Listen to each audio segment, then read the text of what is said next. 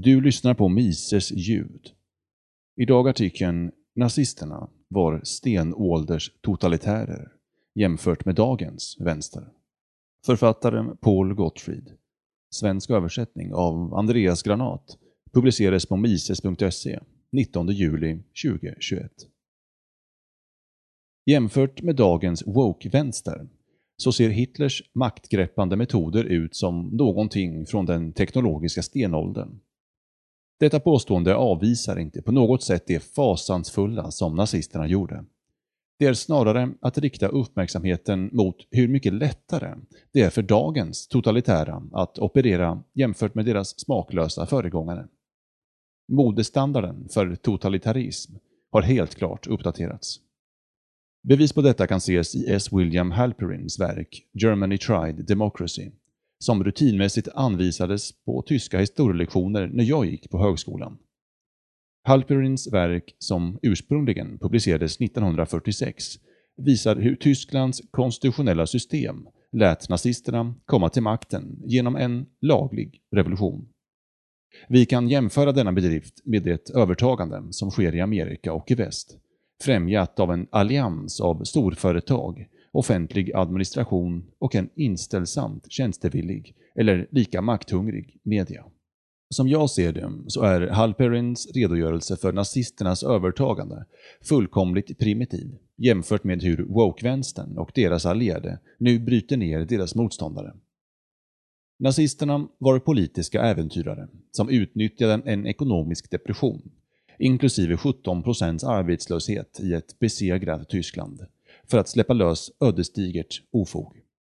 På Hitlers tid fanns dock inga internationellt sammankopplade mediaplattformar som försåg folket med samma vinklade nyheter. Framsteg inom kommunikationsteknologi och enformigheten i tillverkad nyhetstolkning är element som komplicerar vår stundande politiska och kulturella situation. Inom loppet av en dag av den amerikanska medians beslut att förvandla George Floyd till en helgonliknande martyr på grund av amerikansk brutalitet, så kom samma syn att dominera hela det engelska och västeuropeiska informationsnätverket. Det råder ett tendentiöst sken av att ge nyheter när vi blir informerade om att det ungerska fotbollslandslaget vanärade sig självt i Europamästerskapet när det misslyckades med att knäböja innan matcherna började, till dyrkande minne av den drogberoende porrstjärnan George Floyd.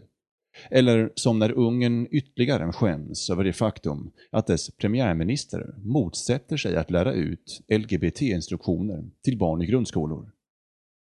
Vad våra makteliter vill ha får det nästan direkt.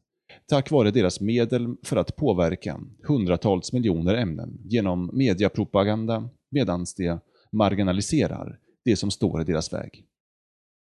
Således verkar det som att Vogue-vänstern och deras allierade ögonblickligen kan påtvinga hela befolkningen vad de önskar att de ska tycka och tänka. Dessa maktutövare är detsamma som vill ha nationellt riggade val, vilket beskrivs i HR1-omröstningsförslaget, som beskriver deras åtgärder för att undvika röstidentifiering och uppmuntra röstskörd som en form av berättigande. Den nordkoreanska flyktingen Jeon Ming Park, som bor i New York och gick på Columbia University, prickade rätt när hon beskrev den ökande totalitära naturen hos härskarklassen. Park diskuterar spridningen av politisk korrekthet i USA och jämför den lätt dekonstruerade verklighetsbild som amerikanerna sväljer med vad människor under Kim Jong-Uns kommunistregim tvingas lyssna på och drar slutsatsen att den amerikanska berättelsen är lika löjlig. Den här koreanska betraktaren skulle bli ännu mer förvånad över att få veta att medborgare i andra västländer, till exempel Kanada eller Tyskland, är ännu mer nyckfullt bedragna. Som Halperins bok klargör var de som såg på nazisternas övertagande i Tyskland inte medvetna om de kommande tekniska framsteg som skulle göra masskontrollen ljusår lättare än för ungefär 90 år sedan. I den tyska mellankrigstiden förblev regionala, kulturella och religiösa skillnader starka. I USA är emellertid de flesta människor nu utsatta för enhetlig indoktrinering. som till stor del tillhandahålls av vänsterhögskolor och universitet, såväl som allomfattande media.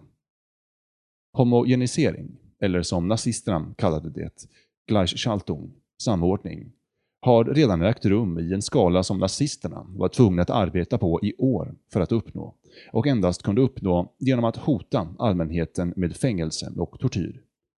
Samtycke behöver inte längre verkställas genom terrorhandlingar. Handlingar som Hannah Arendt i Origins of Totalitarianism gav som kännetecken för sovjetiska och nazistiska diktaturer. Idag kan media, den demokratiska administrationen och utbildningsetablissemanget robotisera sina ämnen genom att ständigt repetera samma teman ur samma perspektiv.